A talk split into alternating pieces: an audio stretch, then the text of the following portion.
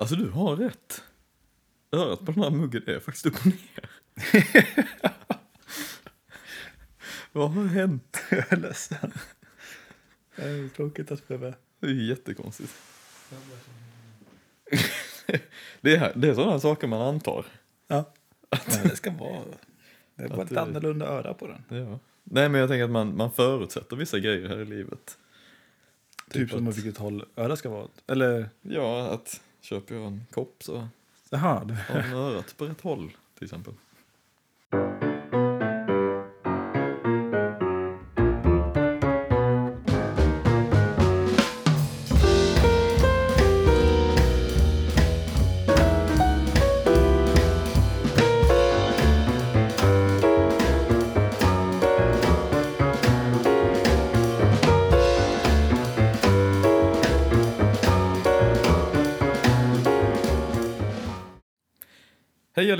Välkomna tillbaks till Medicin med David och Karl. Idag är andra temat som vi eh, diskuterar med eh, eh, ST-läkare i barnmedicin, Jonathan Paulsson.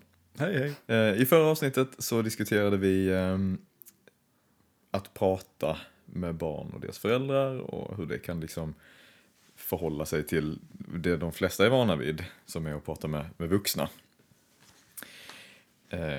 Och lite fallgropar och lite tips och tricks och svårigheter och att det kanske inte alltid behöver vara så komplicerat som man tänker sig. Typ, typ så. Typ så. Ja. Idag så ska vi prata om de lite mer medicinska aspekterna av att handlägga barn. Är det tänkt? Eh,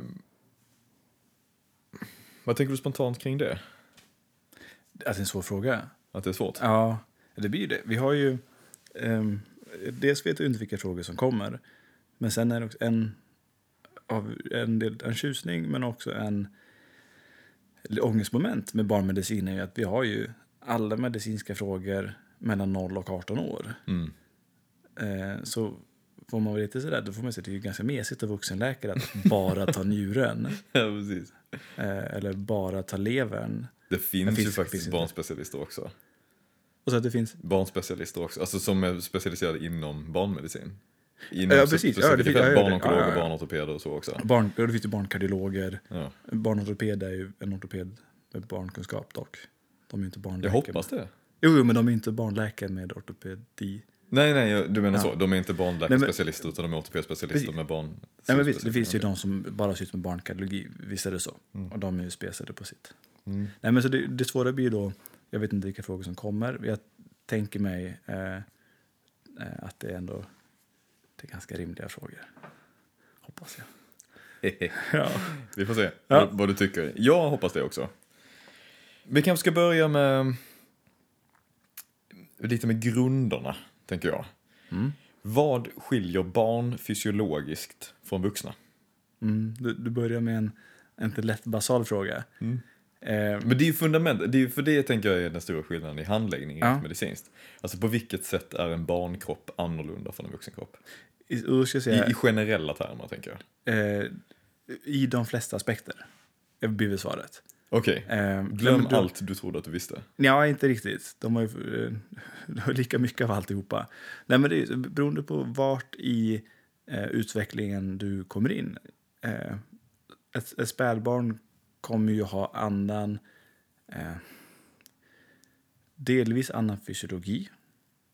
Eh, de kommer ha lite annan cirkulation, de kommer ha annan, ehm, annan, annan känslighet för vissa saker för, för vätskebalanser. De kommer ha ett annat behov av näring för att de växer. De kommer ha annan hormon, ehm, inte hormonuppsättning, för uppsättning är väl detsamma, men beroende, så ett annat hormonberoende. Mm. Vilka hormoner som är viktiga i vilket skede och vart man får konsekvenser om man inte har det hormonet, till exempel. Då. Ehm, så beroende på vart du kommer in i de här då första 18 åren så får du Ja, man kan säga att de, de börjar lite som andra varelser och sen så går de sakteliga mot att bli vuxna. Okej, ja. Eh, förstås jätteöverlappande och jag tror att du, du skulle nog mycket väl kunna handlägga många barnmedicinska akutsituationer med lite vuxenkunskap som du anpassar. Mm. Men det finns ju sen en hel vetenskap för att få det eh, bra, bra. För ehm, för att det ska bli för barn. Mm. Du förstår mig rätt där. Ja, alltså att lägsta nivån, Ja, alltså det, det ehm, i mångt och mycket liknar dem. ja, Men ehm, det blir en grov approximering. Alltså, även små barn med infektioner behöver vätska, men vi räknar på ett annorlunda sätt. ja, Eh, de behöver mat, men vi räknar på ett annat sätt. Ju närmare du kommer tonåren och eh, vuxendelen, desto mer likt en vuxen kan du handlägga dem. okej. Och ju närmare de är spädbarn, desto mer skiljer sig. Och desto mer behöver man kanske tänka. Och desto mer behöver du tänka annorlunda. Mm. Så får man säga. Så för samma sak, en, en 30-åring och en 60-åring och en 90-åring har ju olika sjukdomspanoraman. beroende på vad de har utsatt sig för, beroende på ärftligheter. Där har du finns också aspekten av att har du överlevt tillräckligt länge så har du, har du bevisligen ganska bra gener. Mm. Men samtidigt så öppnar det upp nya sjukdomar. Mm. Um, jag tappade spåret vart jag ville komma med det. Men, men du, tänker ju, du tänker ju annorlunda när du träffar de olika ålderskategorierna. Mm. Och på samma sätt så måste du också tänka annorlunda. Men du måste kanske inte tänka... Det är svårt att säga att man tänker mer Mm. på ett spädbarn. Du Ja, tänker ja, bara tänker an, annorlunda. annorlunda. Du tänker andra saker. Det är ett annat panorama. Ja. Nej, men, jag menar, det avslöjar ju också mina kunskapsluckor, att man behöver tänka mer. Alltså, det man kan behöver man ju sällan tänka ut. Utan Precis. det kanske är en, en, en, liksom en nästan inbyggd reaktion, att om jag träffar en 65-åring som får ont i bröstet när de kliver upp för en trapp, liksom, Så då vet du- jag ungefär vad... Ja, Det, det är mer liksom en... Ja, men det är snarast en reaktion på det de berättar för mig än att jag så här måste sätta mig och fundera. Mm. Så tänker jag att det kan vara på samma sätt med ett spädbarn om man är van, om man är neonatolog eller så. precis. Precis så. Så det är allt, allt beror på vad man är van vid. Och sen tänker jag också, som, som du säger, sjukdomspanoramat ser olika ut i olika åldrar. För det slog mig när jag var- på, på barnkliniken under, under läkarprogrammet. Att plötsligt var den här, liksom, vad är det här för sjukdom? Jag har aldrig någonsin hört talas om det här problemet före. Mm. Och så insåg jag att det är ju inte så konstigt, för de blir ju inte vuxna. Nej. Alltså just att vissa sjukdomar drabbar bara barn av den enkla anledningen att det är en dödlig sjukdom som Mm. bara drabbar barn. Eller det drabbar människor. Men de blir aldrig annat än barn. Precis. Och det är också någonting då som blir en väldig specialistkunskap, tänker jag. Ja, för den, den kunskapen får du ingen annanstans ifrån. Nej. Eh, än att antingen läsa om det eller, eller träffa på det. Mm. Och du kanske inte läser om det om du inte har anledning att tro att du träffar på det. Nej. Du nämnde det här med att alltså, cirkulationen ser annorlunda ut hos ett barn. Ja. Ehm, och det är också beroende på vart du är, hur gamla barnen är. Ehm, och med, med rädsla för att berätta om någon som är är kunnigare än jag är, så ska jag säga att ju, även de, ju mindre barnen är, eh, desto känsligare blir de för den, eh, för till exempel att hålla egen vätskebalans. Eh, att, att du får omognare system som behöver hantera sig då en eh, diarrésjukdomar Mm. kanske blir värre, eller kan potentiellt bli värre ju mindre barnet är, för de har svårare att korrigera för saltförlusterna till exempel. Mm. Ehm, ett lite tydligare exempel kanske blir att de, de riktigt små spädbarnen um, anatomiskt sett så har de eh, andra förhållanden, så kan vi säga. Mm. De har eh, med smalare luftvägar som när det då blir eh, någon typ av reaktion i luftvägarna blir eh, mycket trängre. Att som en vuxen har du en, en måttlig slemhinnesvullnad eh, i, i dina luftvägar så kanske inte det gör det så jättemycket. Mm. Du kallar det för en jobbig hosta och går vidare. Medan för ett, ett litet spädbarn som får den här svullnaden plötsligt kan bli väldigt tät i sina luftvägar. Mm. Eller kan få en slempropp som sätter sig ganska dåligt till i luftvägarna. Är det därför RS-virus kan bli jobbigt för Ja. små barn? Precis därför RS-virus blir jobbigt. Okej. För att du får slembildning i luftvägarna som täpper till de mellanstora, ja, eller åt det mindre hållet, Mm. bronkiolerna. Okej. Det var bara li- lite RS-virus. Det är ingen fara. Förstår. Okej, jag har stora luftvägar. Mm, du jag klarar klarar dig. mig. Ja, men det med, det med, med relativ fysiologi. de har ju samma luftvägar. Mm. Men de kommer svara annorlunda. Eh, och på samma sätt ett, ett litet bebishjärta kan slå i 150 och vi är tvärnöjda med det. Mm. Men sätt 150 på en 20-åring, så blir vi för, eller på en 17-åring, Mm. är plötsligt lite, det är lite jobbigt. Mm, Det, så ska mm. det inte vara. Ehm, För jag tänker på det här med att du säger att det blir ett annat sjukdomspanorama. Mm. En grej som har slagit mig är att det, alltså normalvärden, förväntade utfall, förväntat normalstatus Mm. varierar så snabbt i utvecklingen. Alltså Mm. utvecklingen hos ett barn sker mycket snabbare än hos en vuxen. Mm. Alltså visst, man kan liksom ackumulera sig till tillräckligt mycket kärlskador för att få en, en eh, koronasjukdom på något sätt. Liksom, och, eller jobba upp sannolikheten för stroke eller något sånt liksom, under livet. Men det är någonting Mm. du får jobba på länge. Mm. Eh, metabola förändringar hos vuxna liksom, ter sig på ett annat sätt hos barn. Liksom, om du lyckas få på dig ett, eller dra på dig ett metabolt syndrom eller att du får en gikt eller något sånt. Liksom. Det är på ett helt annat sätt än hos barn. Där kanske de problemen i och för sig kanske snarast är eh, ärftliga. Mm, där får man ju, ja. Det blir klurigt när man använder metabolt syndrom. Ja. Eh, specifikt för att skilja från metabol sjukdom. Ja. Ja, nej, ja, nej jag, jag, jag förstår. Nej, det är, Ja. absolut, det är ju absolut inte samma sak. Men, men jag tänker att sjukdomarna hos vuxna och vad man kan vänta sig i olika åldrar. Mm. Vari, alltså det är oftast ackumulerade sjukdomar. Mm. Det, är- det är sjukdomar som beror antingen på en livsstil eller på att man har haft en celldelning under livet som gör att man kan få cancer. Ja. Eller ett magsår för att du har gjort si eller så. Eller för att du har fått en infektion någonstans längs vägen. Men dyker det upp hos barn så är det eh, en annan genes till det. Det är en genes och min bild av det är också att det man kan vänta sig och det man bör reagera på varierar mycket snabbare. Alltså skillnaden mellan en 40-åring och en 50-åring Ja. och en 50-åring och en 60-åring eller 50-åring, du har 20 år på dig med ett Mm. sjukdomspanorama som kanske inte ändras jättemycket. Du kan ha en hjärtinfarkt i 50-årsåldern, Mm. du kan också ha en hjärtinfarkt i 70-årsåldern. Artros kan dyka upp i de åldrarna också, så de vanliga problemen som man stöter på på en akutmottagning till exempel. Mm. Med liksom ont någonstans i kroppen eller någon slags nedsatt ork eller kondition eller något sånt liksom, som man behöver, behöver utreda. Men det är ett spann på 20 år. Det är hela ert Mm. spektrum och mer. Japp. Där det hos en, den vanliga patienten som kanske ändå är någonstans över 40 i alla fall på en akutmottagning. Äldre är ju väldigt vanligt förekommande i vården generellt. Mm. Eh, Men att tid, tidsperspektiven är så långa. Det är en grej som i alla fall har stressat mig lite grann med barn. Att det bara säger ja, det är ju inte, det verkar ju inte jättekonstigt, men å andra sidan så är det ju här en fyraåring, jag träffade ju en treåring med samma förra veckan. Är du med? Alltså normalvariationen känns som att den är, den är så stor, Mm. vad, med vad man kan vänta sig över åldrarna. Absolut. Och, och det blir ju, ehm, om du då tänker, um, säg när man gör en neurologisk undersökning Mm. eh, och kollar av alla de undersökningar. Det finns ju en standardundersökning på saker man gör. Men det måste du alltid sätta i förhållande till vad är det rimligt att förvänta sig att den här patienten kan. Mm. Ehm, hur mycket kan den medverka och hur mycket har den tappat en, en funktion? Ehm, för att tappa en funktion är ju värre än att inte ha hunnit få den. Just det. Att gå i regress i sin utveckling är ett sämre sy- symptom än att det inte har kommit dit. Mm. Jag förstår.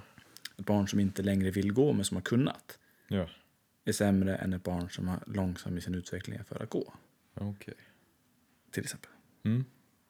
Eh, och det blir en ångestkälla förstås. Mm. Den här eh, ettåringen som inte har börjat, jag ska ta som exempel då, som inte har börjat ställa sig upp mot saker. Eller så, ja, nej, okej, som inte har börjat eh, stå med ens, bara självstöttat. Eh, är den, vart är den i sin utveckling? Är det normalt? Är det inte normalt? Det är en, det är en jätteutmaning. Mm. Eh, och det jag säga, det är nog den största utmaningen jag ser. Mm. Med det, att sätta allt det här i förhållande till vad som är rimligt. Mm. För det krävs också ganska mycket erfarenhet och man behöver nog bygga på sig det över tid. Mm. Hur mycket får man, hur mycket får barn avvika från en ja, då, normal utveckling för att det ska vara någonting man ska öronen åt sig för? Mm. Det är jättesvårt. Jag. Jag ringer och då, där ringer jag och tar hjälp av en kompis. En överläkare. Min bakgård. Jag kom på jag sa, Lite oroväckande när det ringde en nej, kompis. men jag sa det till jag sa det till en patient. Där det var en sån fråga på akuten. Jag sa ja, men jag, jag, kommer, jag kommer inte fram till exakt vad det här beror på. Så jag, jag får nog dra livlinan ringa en kompis. Så jag ska ringa min bakjour och se om vi kan lista ut tillsammans vad det är för någonting. Mm. Det fick jag skratt för. Jag tyckte det var lite fint. Ska ringa en kompis. Han jobbar som rörmokare. Ja. Okej, men alltså. Det är ju en svår fråga att svara på. Barn skiljer sig, förstår jag då, Jättemycket. jättemycket fysiologiskt från Ja. vuxna. Kan skilja sig. Kan skilja sig Ja. fysiologiskt. Men om jag förstår det rätt då, så är alltså eh, förekomsten av bortfall i utveckling Mm. som patienten har, eller som ett barn har, har genomgått, är en större röd flagga än försenad förekomst av en utveckling. Ja, beroende på mycket förstås. Ja. Ja, det är klart att en femåring ska kunna gå. Mm. Ehm, Men förlust av en funktion, säg till exempel språk. Ett barn som har kunnat prata i fulla meningar som plötsligt går tillbaka och pratar bebisspråk Mm. ehm, är en, någonting man ska reagera på. Mm. Sen kan barn bli, ehm, när man har feber så kan man gå lite i regress. Och det är kanske inte behöver vara farligt men, men säg att man har börjat gå i regress samtidigt som man också eh, har börjat halta eller skela. Så där, du vet, när det börjar anhopa sig då är det en sån sak som ska falla in i röda flaggor. Regress i sin utveckling. Mm. Okej. Och sen så eh, finns ju alla de här faktorerna i att, eh, som du sa, alla vuxna har ju överlevt länge. Alltså tillräckligt länge för att bli vuxna. Mm. Så att allting som kan gå fel, alltså barn kan ju födas med så mycket problem och så Mm. mycket på något sätt fysiska defekter som Mm. gör att överlevnaden blir svår. Visst är det ett mirakel att ändå så många föds friska? Ja, Ja. verkligen. Visst blir man, och det här är ju, eh, tror jag, en ångestfaktor i väldigt många av oss barnläkare när man väl eh, planerar att bli förälder. Man har sett allting som kan gå dåligt. För vi, tyvärr utsätts vi ju mer för där det inte går bra Mm. än där det går bra. Mm. Ja, Det är egna spöken att ta tag i. jag förstår. Mm.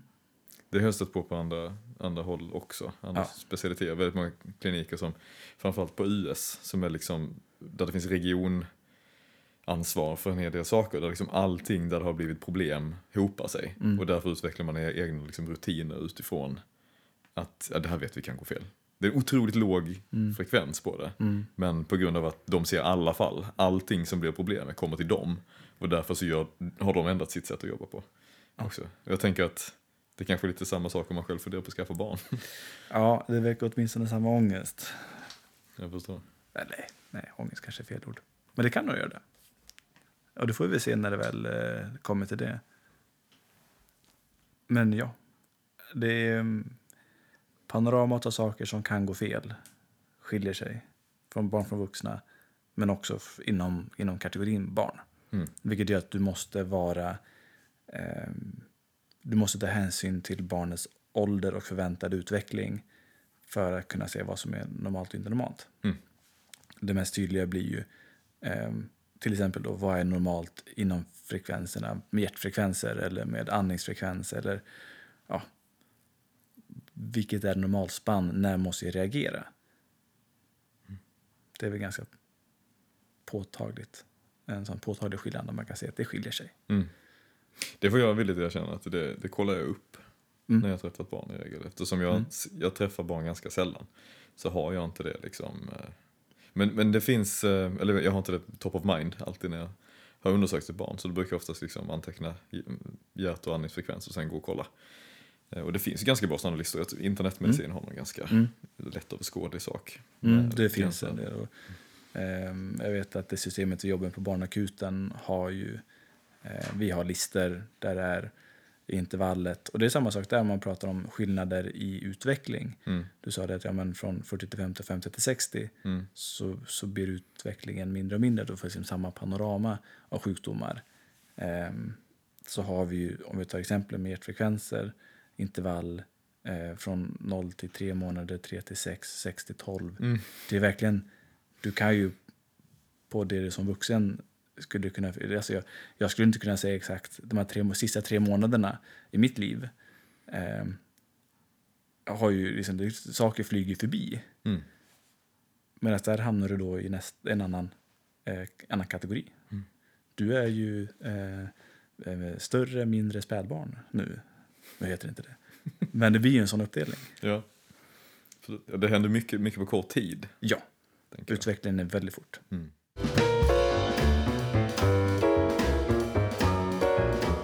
När kan man börja alltså jämföra ett, barn, ett, ett juridiskt barn, Ja. alltså under 18, med en vuxen? Ehm, och då skulle jag tro eh, att... Plus det- minus två år typ. Alltså, Ja, för jag, jag, jag Plus minus det- två år är, eh, blir ganska stort. Jag tror att efter pubertet. Efter pubertet? Ja, Okej. då tror jag att du kan börja likna. För då har då, um, jag säga, fler hormonsystem börjar likna den vuxna. Kroppen börjar likna den vuxnas. Ehm, och fysiologin med ja, hjärtfrekvenser och andningsfrekvens och sådana saker närmas också den vuxnas. Mm. Men sen så, ja, så någonstans pubertet eller strax därefter. Okej. Så hade jag nog börjat tänka att det liknar en vuxens. Mm. Jag kan ta nästa fråga. När blir du orolig för ett barn medicinskt? Ehm, det har väldigt mycket att göra med hur barnet ser ut. Det finns ju, man, jag kan vara orolig för en, en anamnes, en, eh, ett, in, ett insjuknande kan oroa mig. Ett förlopp kan oroa mig. Ehm, men jag kan också bli orolig av att se hur barnet ser ut. Mm. Ett barn, ehm, egentligen oavsett, ett barn som är eh, blek eller till och med gråblek i färgen som, som antingen inte är bara helt passivt eller apatiskt eh, eller slött. Som inte reagerar på när jag undersöker, som inte skriker, som bara godtar allt som händer. Mm. Eh, det är en sån varningsflagga. Och, och lägger ihop det också med att de kanske har en, en oväntad hög puls, en oväntad hög andningsfrekvens. Det blir, då blir det liksom många flaggor som säger att det här barnet är, en, är sjukt. Mm. Eh, mindre barn blir det tydligare på. Eh, och där kan man få väldigt snabba eller väldigt tydliga reaktioner när ett barn väl inte orkar kompensera längre. Och det är en sån sak varför eh, till exempel luftvägsinfektioner eller, eller RS-virus med, med, eller är det. RS-virus är en av de virus som orsakar bronkiolitt. Det finns ju fler virus som orsakar det. Men det är väl det vanligaste Mm. och det som förknippas mest med bronkiolitt. Men bronkiolitt blir jobbigt för att där, där försöker barnet kompensera för det här luftvägshindret som blir med de här små slemklumparna. Och kompensera och kompensera tills den inte orkar längre. Mm. Och då, då, då sviktar det helt. Mm. Och då sviktar du någon som inte längre orkar andas. Mm. Och det problemet blir ett problem fort. Ja.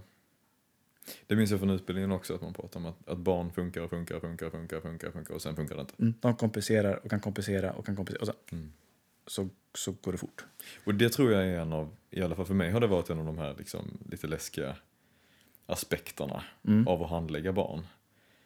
Eh, just att, okej, men det här kan lika gärna vara en förkylning, de har haft feber och hosta ett par dagar, liksom, Mm. trötta, slöa. Och så säger du det här med trött, slö. Eller Mm. kanske, i och för sig, de flesta jag har träffat har varit ganska ilskna och irriterade. Och det är väl ett hälsotecken i sammanhanget, tänker jag. Vilket, vil- vill du ha, vilket svar vill du ha? Jag vet inte. Så det är klart, Berätta. att- är man att vara, att vara eh, missnöjd med en undersökning, eh, att man inte vill bli tittad i örat, det behöver inte vara någonting. Men är man irritabel på det gränsen att man eh, som litet spädbarn inte kan komma till ro eller reagerar jättekraftigt vid minsta beröring eller stimuli, Mm. det kan vara ett negativt tecken. Jo, absolut. Ja, nej, det här- Hur, om det hur mycket jag ska spä på. min, På att- min på anläggningsångest. Ja, Eh, din känsla av trygghet. Han var ju ändå ganska arg. Jag tänkte, vad farligt. Vad sa du nu, sa du? Nej, han ty tystnade emellanåt och sov mest. Ja, nej, men så det, och så snorig. Ja, det, och det, är så här, det är ju vi... Dels när man handlägger många så får man en mängd lära. Mm. Man lär sig se tecken på barn som är friska och tecken på barn som är sjuka. Jag lär mig dag, ja, inte dagligen, men nästan dagligen. Så antingen så bygga på kunskap om vad som var ett friskt barn Och ibland eh, behöver jag omvärdera. Mm. Och jag tänker så länge man har ett öppet sinne för sin okunskap och lite grann erkänner att jag är, jag är inte på något sätt allvetande. Utan jag måste gå in i det här och eh, vara öppen för att jag kanske inte kan det. Mm. Ta hjälp av de runt omkring mig. Är vi fem stycken, eller vad säg att vi är tre stycken som jobbar nere på, på barnakuten. Jag och två, en, oftast en barnsköterska och en barnsjuksköterska. Mm. Ehm, är vi alla tre tycker att det här barnet är friskt, då ökar ju, tänker jag, sen, då minskar vi risken för att missa någonting. Mm. Får dessutom in en bakjour som utifrån anamnesen och min beskrivning inte blir orolig, då är vi fyra stycken. Och vill jag vara extra säker då så följer jag upp patienten. Mm. Och vi gör, ehm, kanske framförallt med luftväg, om vi tar luftvägshinder som en sån ångestfaktor. Är man orolig för att det här barnet ska, ska bli sämre, då får man vara tydlig. Och det här är fördelen med barn mot vuxna. Barn har ju alltid en förälder. Mm. Som oftast är frisk. Som kan En vårdnadshavare? Ja, precis. Som kan... Ja, förlåt, en vårdnadshavare är väl rätt. Som kan, man kan säga åt okej, men ni ska få gå hem nu. Som det ser ut nu är jag inte orolig. Men om ditt spädbarn eh, får så pass mycket andningsbesvär att det blir indragningar, att det blir eh, att den blir slö, inte orkar amma, att den, inte, att den måste liksom ta paus när den ammar för att andas eller bli cyanotisk när den, alltså eh, blå om läpparna, när det händer, då vill jag att den kommer tillbaka. Mm. Mm. Och oavsett så tänker jag ringa om två dagar och höra att allting gått bra. Mm. Vi bygger upp sådana säkerhets... Och ju tidigare man är i sin karriär desto fler sådana säkerhetscheckar måste man få bygga upp. Okej. Men så trött, slö, gråblek, eh, irritabel till viss mån, men kanske snarare när de inte protesterar överhuvudtaget vid undersökning eller så. Ja. Eh, andningshinder på så vis, att- alltså till den grad att de får indragningar när de andas, Mm. eh, eller blir blå om läpparna när de andas. Eh, eller förlåt, när, när, när de ammar. Alltså när till exempel en luftväg är, är upptagen. Även om i och för sig spädbarn är väl obligata näsandare Till en viss ålder. till en viss ålder. Mm. Eh, Men ett äldre barn då till exempel som... Men de ska inte bli cyanotiska ändå. Nej, nej självklart. Men jag tänker att... Eh, eh, jag, det var på det att jag Ja. sa att, att en luftväg... ja, ett- de kan eh, ju behöva... Är de snoriga så släpper de ibland. Eh, okej. Bröstet, tänker jag. Alltså är de snoriga och täppta i näsan Mm. så att de inte kan andas genom näsan Mm. så kommer det bli svårare att amma. De kommer inte ta bröstet lika lätt och de kommer släppa ifrån på ett annat sätt som de inte gör när de inte är snoriga för att näsan är täppt. Ja. De kan inte andas genom näsan sen så de äter. Mm. Så det kommer skilja sig. Nej, men om, om du vill ha med sådär, när är jag orolig för ett barn, krassa tecken. Det kommer Mm. variera med ålder. Men ehm, barn som är slöa till en grad att de inte protesterar, de är svårväckta, svårkontaktbara, självklart. Eh, barn som har, där det ser tungt ut att andas, antingen att det kan låta tungt, att det eh, väser på in eller utandning, att det ser ansträngt ut, att de kämpar för att de använder accessoriska muskler. De, när de andas så andas de med hela bröstkorgen och det sugs in, liksom huden mellan revbenen sugs in, indragningar. Mm. Också en sån tecken man ska ha koll på. Eh, barn som blir, och det här är lite större barn, men just det här känslan av en katastrofkänsla. För det kan barn också få. Mm. Barn som får den, eh, som har känslan, en sån ångest, ett sånt ångestpåslag. Mm. Att de ser livrädda ut. Mm. Och verkligen livrädda. Det är också en sån faktor man ska ta hänsyn till. Det kan man ibland se hos spädbarn som är riktigt sjuka. Eh, och framförallt, vi ser väl oftast, det vanligaste det är väl de här som har luftvägssjukdomar, typ bronkilit, som är ganska långt gångna. Mm. Eh, de kan få en, en panik i blicken. Och det ser man, och det är det första man ser. Att de här har så jobbigt att andas, att de har panik i blicken. Mm. Och då, då, då, det måste man agera på direkt. Mm. För annars kan det...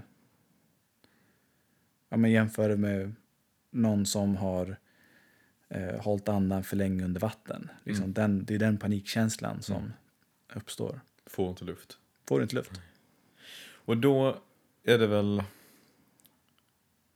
eh, adrenalininhalationer som man brukar använda på små barn. Beroende på ålder. Beroende på ålder. Ja. Hur kommer det sig att man, är det någonting med receptorutveckling i luftvägarna? Det är teorin. Det är teorin. Men Ja. det, det funkar bättre med att inhalera adrenalin på ett litet barn. Eh, med det, adrenalin är en, en... Syftet med adrenalin är rent eh, slemhinneavsvällande. Ja. Ehm, Men det är väl egentligen beta-agonist också va? Nej, Ja, det är luftvägsvidgande. Precis, det, och också en hel del via eh, glattmuskelrelaxation. Eh. Mm. och det tänker jag är inte samma. Det blir, Slemhinneavsvällande. ja, alltså du får ju, det blir ju kärlkonstringerande och därmed slemhinneavsvällande. Mm. Och det här kan vara en, en approximering av sanningen. Mm. Eh, men det är den förklaringsmodell som jag har tänkt mig i alla fall. Att när du ehm, du åstadkommer en slemhinneavsvällande effekt genom att konstringera ytliga kärl. Mm. Och genom att suga åt dem så, ehm, så minskar du svullnaden i luftvägarna. Okej. Och på, på spädbarn är det mer effektivt ehm, för att de, eller där, du väljer adrenalin på spädbarn för att eh, de då inte ska utveckla beta-receptorerna ännu som Mm. de här astmamedicinerna hjälper mot. Mm. Resonemanget är i alla fall att, att ehm, spädbarn utvecklar inte de rätta receptorerna Nej. förrän vid en viss ålder och det är lite skiftande vart man arbetar men någonstans mellan 6 till 12 månader Mm. eh, är väl teorin.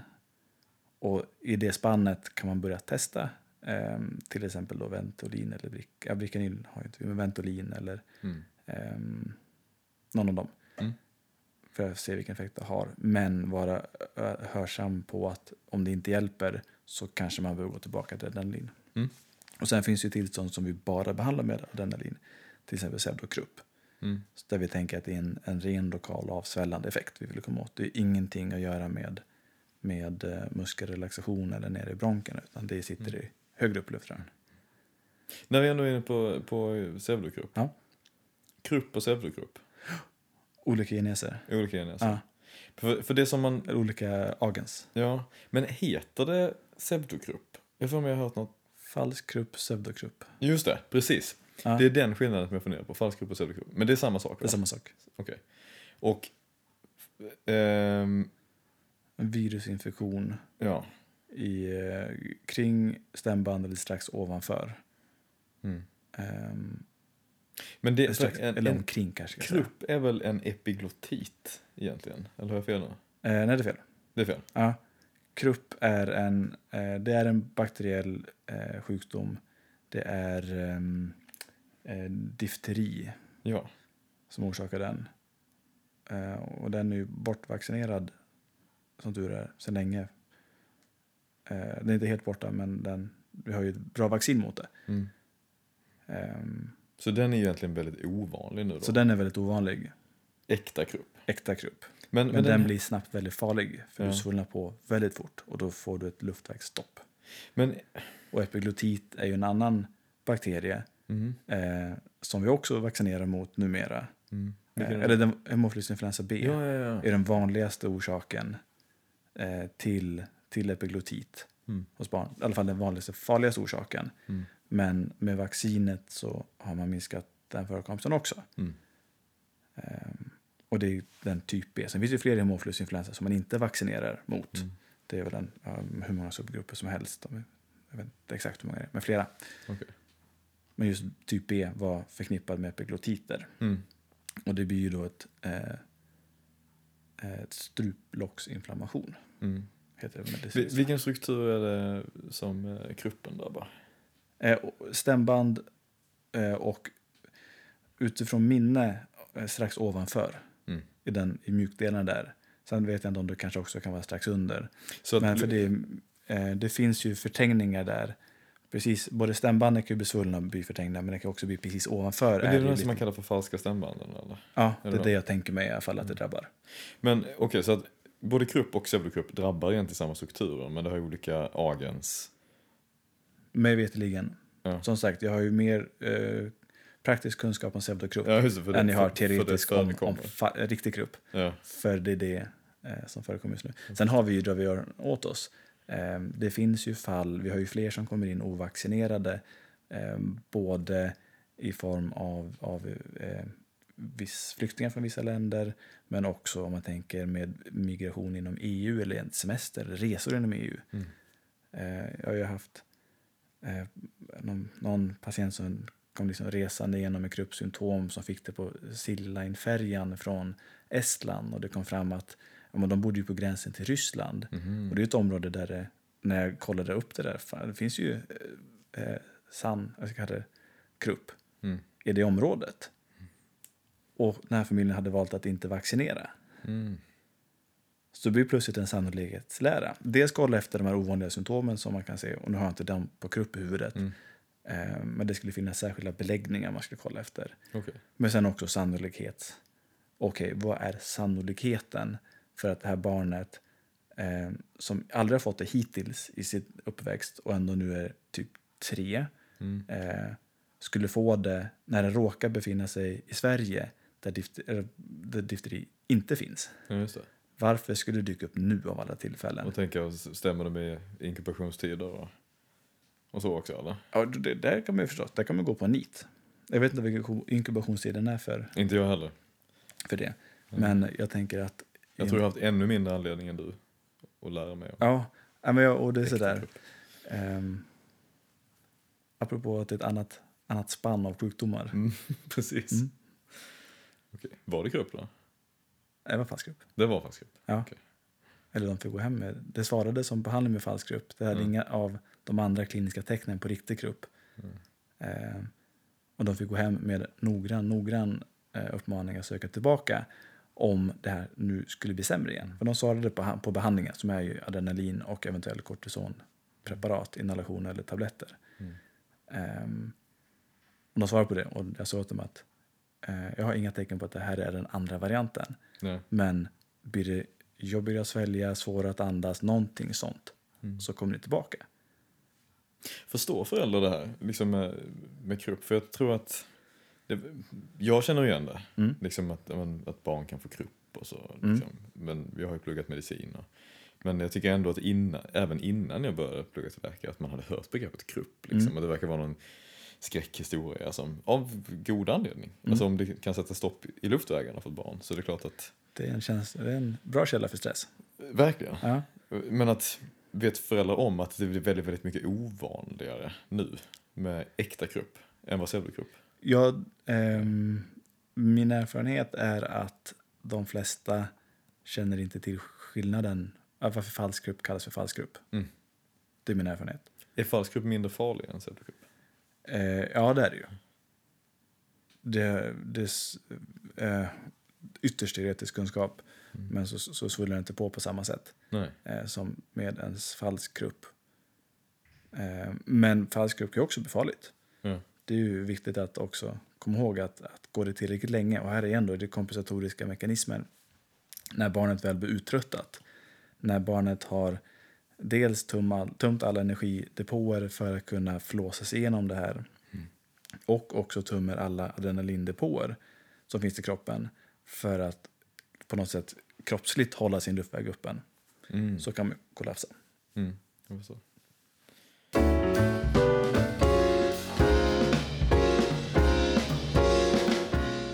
Men okej, så falsk grupp är vanligt. Mm. Låter Eh. jätteläskigt. Mm. Jag förstår ehm, föräldrar som in- aldrig hört det tidigare vars barn nattetid börjar få en väldigt skällande hackig hosta och sen vissa får ju också att det är jobbigt på inandningen Mm. så att det verkligen låter som att de får kämpa för att visa luft. Mm. All respekt för att, att sitter man med det mitt i natten så är man inte så stursk. Jag förstår. Så jag, ehm, det kan ehm, ja, bagatelliseras. Ehm, men jag förstår att, man, att, att det är ett ångestpåslag att höra det. Absolut. Att man kommer in. Vilket är det vanligaste barnet på barnakuten? Eh, beroende på årstid. Eh, om vi drar alla barn under ett år så är det ju eh, feber och, eller någon typ av andningsbesvär. Mm. Absolut det vanligaste. Och, då, Och det är nästan hela- oavsett när på året. Tar ett, ett stickprov så eh, feber och andningsbesvär toppar sökfrekvensen Mm. med ganska mycket Mm. marginal. Okej. Eh, och desto mer när vi kommer in i vintersäsong. När RS-virussäsongen börjar eller när förkylningssäsongen börjar? förkylningssäsongen. Ser ni några spikar liksom i sökfrekvens på sånt när förskolan öppnar? Mm. Ni gör det? Mm, Ja. Absolut. Ja, ja, ja. Och vi, eh, när förskolan öppnar igen, någon vecka efter det så börjar det dyka upp. Då, då ser vi en ökad frekvens, sökfrekvens med feber och luftvägssymptom. Mm. Ehm, vi ser, ja, under påsk till exempel ser vi färre som söker, men det är kanske också för att folk är bortresta. Mm. Men vi ser absolut en spike i sökfrekvensen på det. Om man tänker sig ett sånt barn då med, med, med feber och, och luftvägsinfektion. Mm. Om, om vi liksom bara drar igenom vad, röda flaggor i ett sånt fall. Mm. Eh, för, för de träffar jag ju ganska ofta på, på vårdcentralen också. Mm. De jag har träffat, då har det varit liksom, ja men det har i regel feber mindre än 48 timmar. Mm. Någon har haft i flera dagar liksom. Mm. Hur, hur länge är det rimligt att tänka sig att ett barn har feber under 40 grader? För jag förstår att över 40 grader så bör man kanske, då har man lite lägre tolerans. Även om barn kan ha ganska hög feber utan Mm. att det är jättefarligt. Vuxna är ju, är mycket värre Mm. eh, när det börjar komma upp över 40. Men eh, hur många dagar kan man tänka sig att man kan vänta sig att en luftvägsinfektion skulle kunna generera feber? Utan att det är farligt. Ehm,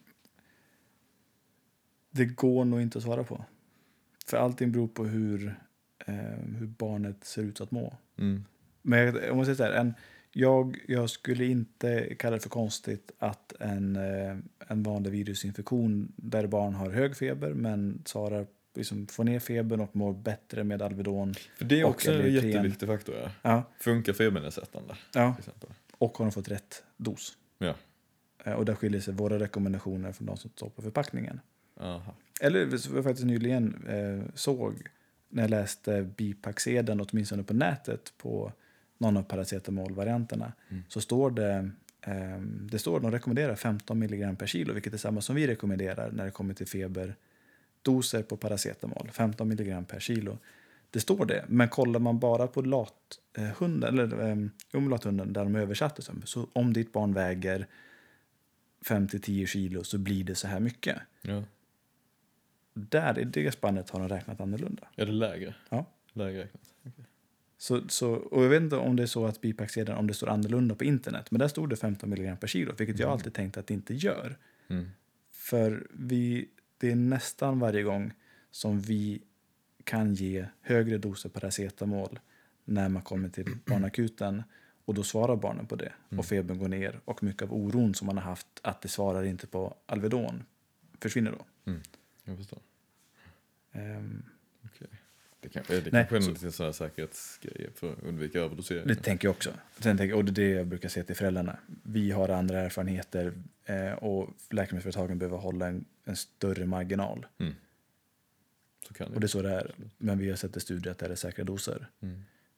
Eh, Men om, om, om vi säger ett, ett barn som inte uppfyller centrokriterierna, Ja. vilka är... Eh, Så centrokriterierna är frånvaro hosta, det är eh, palpabla ummande käkvinkelsadeniter, det vill säga svullna lymfkörtlar i, Mm. i käkvinkeln, som ummar när man palperar på dem. Det är svullna tonsiller med beläggning, Mm. eller om du är under fem år så räcker det att de bara är Rodnad och... precis rodnade. Ehm, och du ska ha feber över 38,5 grad. Mm. Och det är ju kriterier som är framtagna när man kollat tillbaka eh, på studier som är, de är jättegamla de studierna. De är från liksom 60-talet typ. Ehm, för att öka sannolikheten för att ett, en positiv bakterietest Mm. faktiskt ska stå för en infektion och inte en kolonisation. Och det är ju, det används ju mycket i diagnostiken av en luftvägsinfektion för att se om det är halsfluss, för att se om man behöver ta ett halsprov eller ej. Precis. Eller? Yes. Så att negativa centrokriterier så skulle du inte ta ett halsprov. Stämmer. Men har du positiva på dem så kan du ta ett halsprov. Och då Tre det, eller fyra av fyra. Ja, just det, tre eller fyra av Ja. fyra. Och då, då vet du att ditt prov antagligen ganska tillförlitligt. Ja, du ökar sannolikheten för det. Precis. Att ett, Okej, men så att om, om ett barn inte uppfyller misstanke om halsfluss, Mm. eh, kan få i sig vätska, vill inte gärna äta fast föda för att det kanske gör lite ont i halsen, Ja. haft feber 38 grader i ett par dagar, Mm. eh, gnäller och är liksom skeptisk när du försöker undersöka men du märker att de lugnar sig och andas Ja. ganska obehindrat när föräldern håller i dem. Ja. Till exempel. Ett förkylningsbarn, Ja. tänker jag mig. Det här låter allt som bara bra. Och då är det Tecken. hem och egenvård. Ja, Liksom. och jag skulle säga det ehm, allt mellan en sån infektion, allt mellan liksom tre till sju dagar med feber skulle jag inte säga något konstigt. Mm. Håller du på längre än, längre än sju dagar i det fallet, eller om det plötsligt byter, eh, byter riktning. Att en feber som har gått som varit liksom 38-38, de kanske börjar lite bättre på dag tre och sen på dag fyra så har de 40 Mm. och mår pyton. Sådana, när det, när, det, när det bryter förväntat förlopp, Mm. då, eh, det är sådana saker jag brukar råda att då ska man söka om. Mm. Sen behöver man inte alltid komma till barnakuten, men då behöver man ta kontakt med någon av oss igen, vårdcentral Mm. och oss, tänker jag, sjukvården. Mm. För då kanske man behöver kika i ett öra eller lyssna på lungorna så att det inte blir en lunginflammation. Och så. Mm. Absolut. Ja men vad bra. Okej, så det är det vanligaste barnet på barnakuten helt enkelt. Feber och så sa du att det beror på säsong lite grann. Mm. Eller det är, det är vanligast oavsett. Men Ja, ja precis. barn, Men, men, ja. men det näst vanligaste barnet tänker jag kanske beror lite mer på säsong då. Liksom, att, vad, vi, vad kommer in vilken, vilken tid på året? Ehm, på vinter ehm, så är det ofta i samma anda. Alltså Luftvägsinfektioner. luftvägsinfektioner i mångt och mycket. Ehm, efter det, alltså vi ser ju på sommaren en liten peak av ehm, borrelia. Mm. Både hudengagemang och neuroborrelios. Mm. Jag tror inte att det är så säsongberoende med förstoppningar, för det är också en vanlig Mm. Buksmärta är väldigt vanligt hos oss också. Och där blir det en svår uppdelning mellan vuxensidan som tar då de kirurgiska bukarna, allting som, som kan behöva opereras. Och vi som tar de medicinska bukarna, vilket ju blir ja, allt annat. Ehm, buksmärta är ganska vanligt. Mm. Förstoppning är vanligare än man tänker sig. Körtelbuk. Körtelbuk, ja. Reaktiva körtlar i buken. ehm, som genererar smärta. Mm. Mekaniskt tänker jag mig.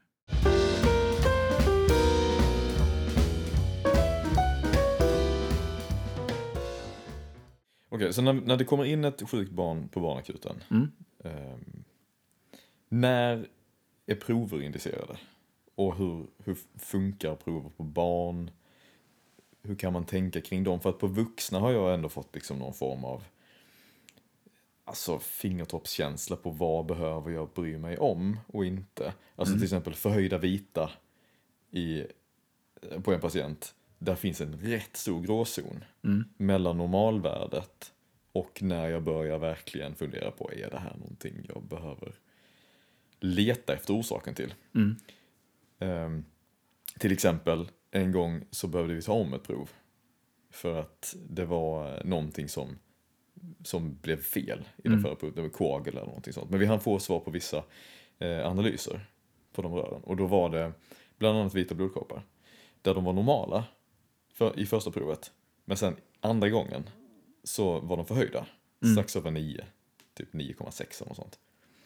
Eh, och det enda som hade hänt var att vi hade stuckit patienten. Mm. Och det räckte för att ge en leukocytos. Mm. Eh, vilket jag har fått förklarat sen att de mobiliserar sig från kärlväggen. Jag kanske berättade det här avsnittet med Åsa eh, Nilsdotter. Jag fick ett minne av det nu. Men att, att just att ligger någon där 9, 10, kanske till och med 11. Mm. Där börjar jag på något sätt, bör, där börjar bli lite svettig. Mm. Liksom, kommer man upp på 15, 16, 17, vita över 20, då är det ju en svårt sjuk patient. Liksom. Mm. Och CRP är samma sak där. Liksom lite så här, okej, är det en viros? Men 50-60 är inte omöjligt. Är det över Nej. 100 måste jag börja tänka bakteriellt. Mm. Så, så är det i min värld i alla fall, de jag har träffat liksom, av patienterna.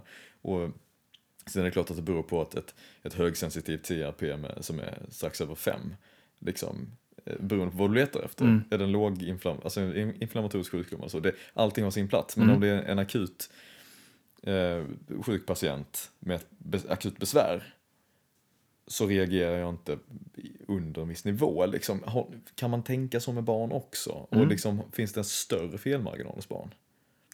Eh, i, I mångt och mycket kan du tänka eh, likadant. Det blir ju...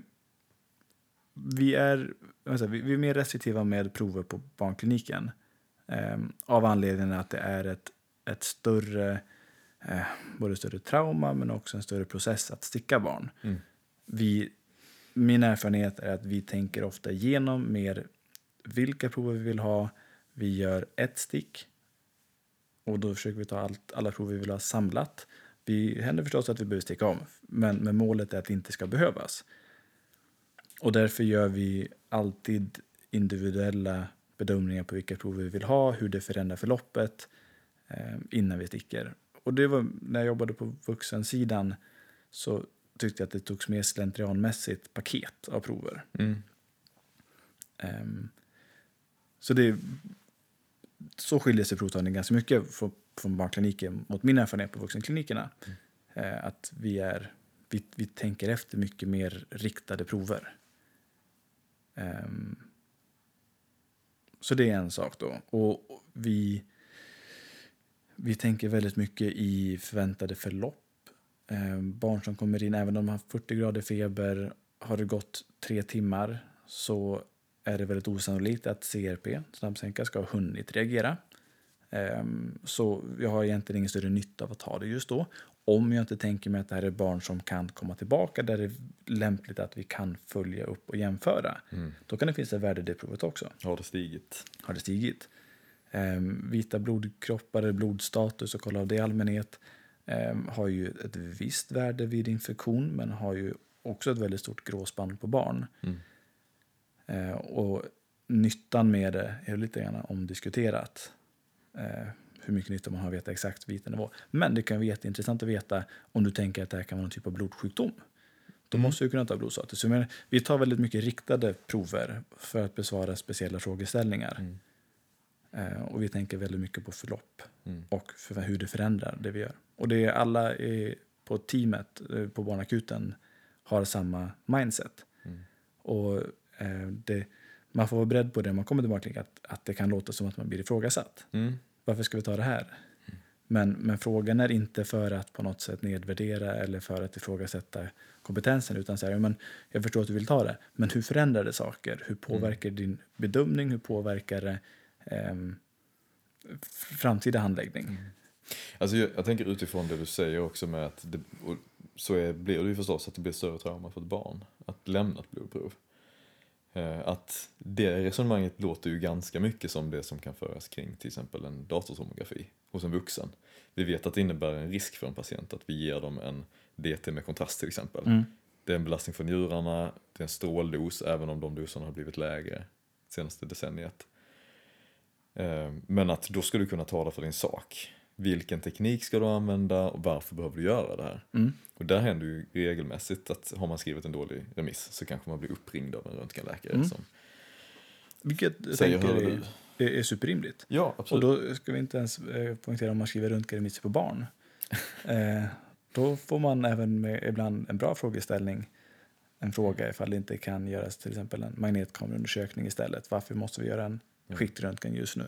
Ultraljud. Eller ultraljud, det är så här, men många sådana undersökningar istället. Mm. Eh, det finns, ja, men överlag tror jag, det finns väldigt många hållpunkt, väldigt många eh, olika instanser som har barnets bästa i åtanke. Mm. Och så får man hitta, är det, och det är också säga, det, ja vi tar färre, vi tar inte alltid prover på alla barn. Mm. Men när vi har ett barn som vi ser är sjukt så då, då vi snålar inte. Det Nej. är, vi väljer vilka barn det är till för att ta prover. Mm. Svårt sjuka barn tar vi väldigt bred provtagning på för att hitta varför de är sjuka. Mm. Eh, Som de du nämnde i, i förra avsnittet. De här där det kan vara lite svårt att sätta fingret på vad, vad är det egentligen jag har framför mig. Ja, och både de som kanske får gå hem sen eller de som behöver läggas in. Mm. Då, då tar man, då bollar vi både i akutteamet men också mot bakjour. Okej, vilka, um, vilka differentialdiagnoser har vi? Mm. Och sen tar vi de proverna. Mm. Mm. Och, och det kan innebära att vi tar viruspaket som skickas till olika sjukhus för att hitta vad det är som orsakar. Men det är, när barnet är sjukt, då gör vi, då tar vi mycket. Och därför har vi en rutin på. Vår, en av vår, verksamhet, vår nuvarande verksamhetschef som var medicinskt ansvarig förut eh, gjorde upp ett PM tillsammans med olika specialister inom olika områden och sa, men vilka, när ska vi ta vilka prover? Det låter ju väldigt mycket som de här paketen du provar, eller pratade om tidigare. Ehm, ja, delvis. Förutom att min erfarenhet på vuxensidan är att har du ont i magen i den övre delen, då tar du övre bukpaketet. Har du ont i den nedre delen, tar du nedre Det är bukpaketet. klart man gör. Annars hade det inte hetat så. Nej, eller det är ju rimligt. Det heter ju. Jag menar, på ett barn så, ehm, ja det finns ju paket du tar. Har du ett barn som kommer in med misstänkt diabetes, då har du paket. Ja. Men det är ett standardiserat vård. Ja, det är nog ett standard, vårdförlopp ska jag inte kalla för det. Är en standardiserat vårdförlopp är en Standardiserad handläggning kanske. Ja, precis. Standardiserad handläggning. Men det är också så att barn som har haft magsjuka länge så har vi ju um, kollar vi på viktnedgång, kapillåterfyllnadstid, puls, andra ehm, Kliniska parametrar. kliniska parametrar, men även förlopp, förväntade förluster och intag. Mm. Och värdera ihop det. Okej, men det här barnet är nog ett barn som skulle kunna vara eh, ha avvikande, det skulle kunna vara sur i blodet eller ha avvikande salter. Och då tar vi de proverna. Mm. Mm. Ja, alltså det ska ju sägas också att de här paketen är ju inte... Inget måste. Nej, de är, de är inget måste och de är ju till för att spara tid och administration i Ja. stor utsträckning. Eh, sen vet jag att de har kommit och gått en del på Mm. akuten i Linköping också. Och det har kritiserats just att det tas för mycket prov och det är analyser som kostar pengar i onödan. Och att det kanske inte alltid som man har tänkt på, vad vill jag egentligen veta? Precis som du är inne på, jag tycker Mm. att det, det är ett bra tänk på vuxna också. Mm. Alltså jag, jag tycker det, det är ett jättebra tänk i, i alla sammanhang. Mm. Att fundera på varför gör jag en, en undersökning? Varför, alltså behöver jag egentligen veta någonting mer? För att kunna göra mitt jobb? Eh, eller behöver jag bädda för, för någon annan? Till exempel om jag lämnar, alltså inte lämnar in, om jag lägger in en patient till exempel. Mm. För fortsatt utredning, kan jag underlätta ehm, handläggningen för nästa part till Mm. exempel? Genom att göra något enkelt. Alltså, jag, sen är det också en fråga, så här, ska alla undersökas på akuten? Ja. Och så, det är en annan diskussion, men jag tänker att om, om jag nu ändå tar blodprover, Mm. okej, vet jag med mig att de kommer vilja kolla det här imorgon? Okej, men då kan jag lika gärna lägga in det nu, Ja. så vet de. Eh, Eller vad behöver de för att kunna ronda patienten imorgon bitti om jag jobbar natt till exempel? Och Ja. Och det är alltid som patientcentrerat är det ju. Ja, precis. Men eh, just att förekomsten av paketen tror jag handlar väldigt mycket om att inte manuellt behöva välja Nej, varenda analys du vill ha. Liksom. Men jag förstår att det blir extra, extra relevant på ett barn där man kanske till och med till sist kan komma fram till att nej, vi behöver faktiskt inte ta några prover alls. Och där hamnar vi ganska ofta. Mm. Och, och det gäller bara att kunna resonera och argumentera för varför. Mm. Och sen också upp en plan. När ska man då reagera? Mm. Det är jag det viktigaste. Absolut.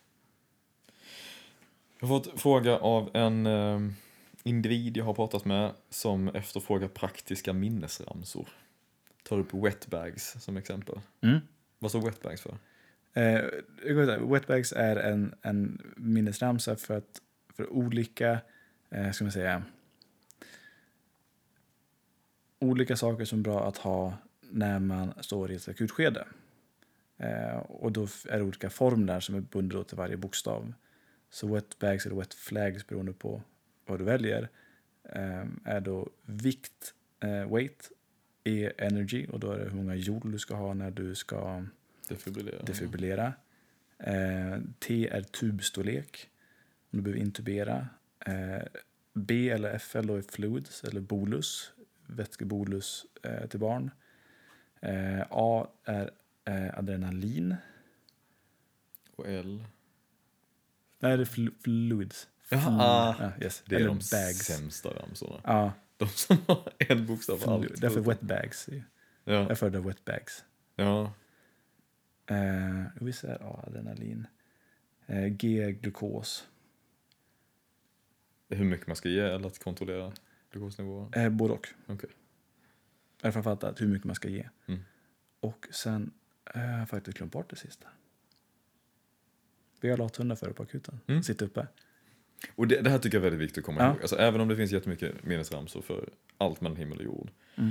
Just att bekanta sig med sin arbetsplats Mm. eh, och se var finns infon. Mm. Ofta ligger sånt där, vi har, vi har ju en akutbarnvagn på akuten på US till Mm. exempel. Där alla de, det finns en hel perm med liksom doseringstabeller, Mm. handläggningsrutiner, allt möjligt. Liksom. Att, att man tittar på sånt innan något sånt här händer. För att i en akutsituation, att stå och försöka komma ihåg saker som man lärde sig för flera år sedan Idioti. blir, blir dels otroligt svårt och jobbigt Ja. och felprocenten höjs rätt så rejält. Ja. För att det finns ingen garanti för att du kommer ihåg rätt. Liksom, utan Nej. vet var du har dina papper, dina lathundar, dina guider. Eh, så tror jag att du gör ditt liv väldigt mycket enklare. Definitivt. Med det sagt, Ja. finns det någon sån här liksom minnesramsa eller eh, handläggningsrutin eller så som, som du använder regelmässigt på jobbet?